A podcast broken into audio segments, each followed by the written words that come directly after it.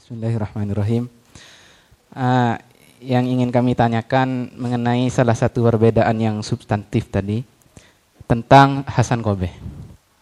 Uh, sebenarnya argumentasi dari Maturidiyah menetapkan Hasan Kobe dengan akal itu apa? Kemudian bagaimana Maturidiyah menanggapi ayat wa ma kunna mu'azzibina hatta nab'asa rasula? Apakah ketika mendengar ayat tersebut kemudian mereka uh, menganggap Hasan Kobeh ini diranahkan kepada syariat atau ya. uh, langsung kami kembalikan ke narasumber. Baik, uh, bagus. Apa yang menyebabkan dalam bab itu uh, patokan patokan dari Maturidi? Karena Maturidi menganggap baik buruk itu dengan bukan di wilayah taklifi. Nah, itu tadi sudah saya sebutkan nggak dihubungkan dengan sesuatu yang taklif, tapi pakai nilai-nilai universal. Ya, secara secara universal orang di mana pun dia beragama atau tidak, pasti dia tahu baik dan buruk versi dia masing-masing. Oke, versi dia masing-masing. Dan ada baik buruk yang nggak sama, tapi versi Maturidi itu gini, ada kebaikan universal. Menurut akal, ini baik ketika diperdebatkan, tetapi ketika diperdebatkan, ketika sudah dikaji betul, dikaji betul. Misalkan, akal kalau dipakai betul-betul, bisakah akal sampai pada kesimpulan alam semesta ini tidak punya pencipta? Bisakah akal sampai kesimpulan pada ateisme? Ateis ada kan? Ada. Mereka berakal? Berakal berakal. Tetapi gimana kok bisa mereka mengatakan ateisme itu baik? Agama itu hanya dongeng. Akalnya nggak dipakai benar. Versi Maturidi.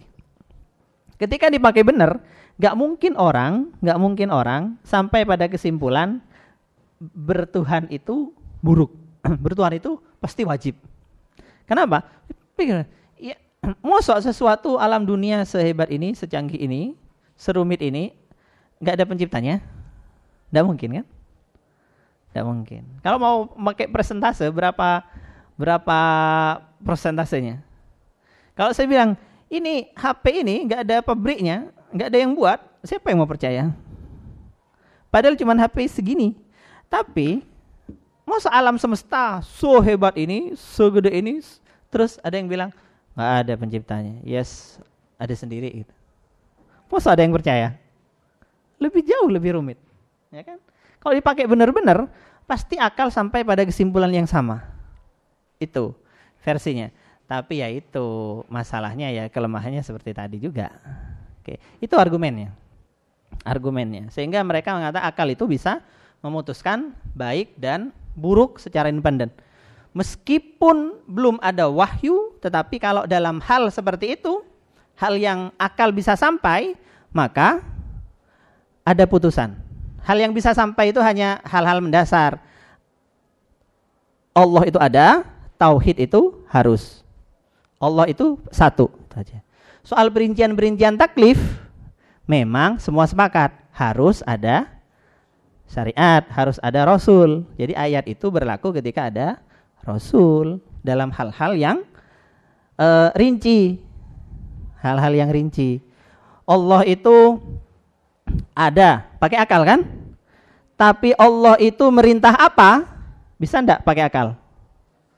Enggak bisa. Itu semuanya pakai risalah. Pakai risalah ayat itu untuk itu.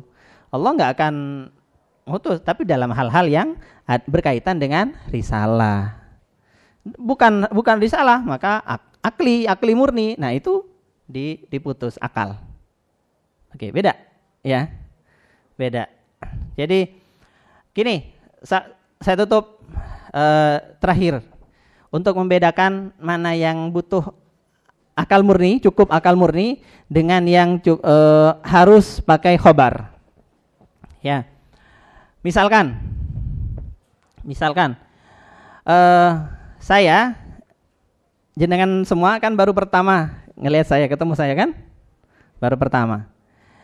Jenengan tahu ndak Kalian semuanya tahu enggak bahwa saya ini punya ibu yang melahirkan saya? Ada yang ragu?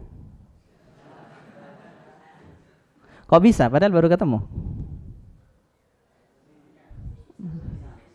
Ya. Ya udah pastilah gitu kan? Cukup. Cukup. Ad, semuanya sepakat, tidak ada yang ragu saya punya ibu.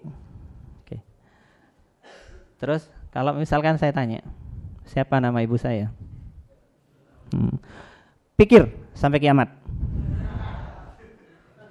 Kan bisa. Karena itu bukan wilayah akal. Ibu saya suka makanan apa? Pikir. Sampai kiamat tidak bisa. Butuh khobar. Nah ini. Syariat juga begitu kan? Nah aturan agama kan juga begitu. Akidah begitu juga. Ada akidah yang butuh khobar. Ada akidah yang tidak butuh khobar. Wujudullah butuh khobar banda. Tidak perlu. Dipikir aja sudah bisa. Tapi kalau misalkan uh, wujud surga neraka hobar nggak ada hobar kita nggak bisa tahu wujudnya perintah sholat puasa hobar nggak ada hobar kita nggak tahu nggak bisa nggak bisa mikir syariat. Nah oke okay. paham? Jelas ya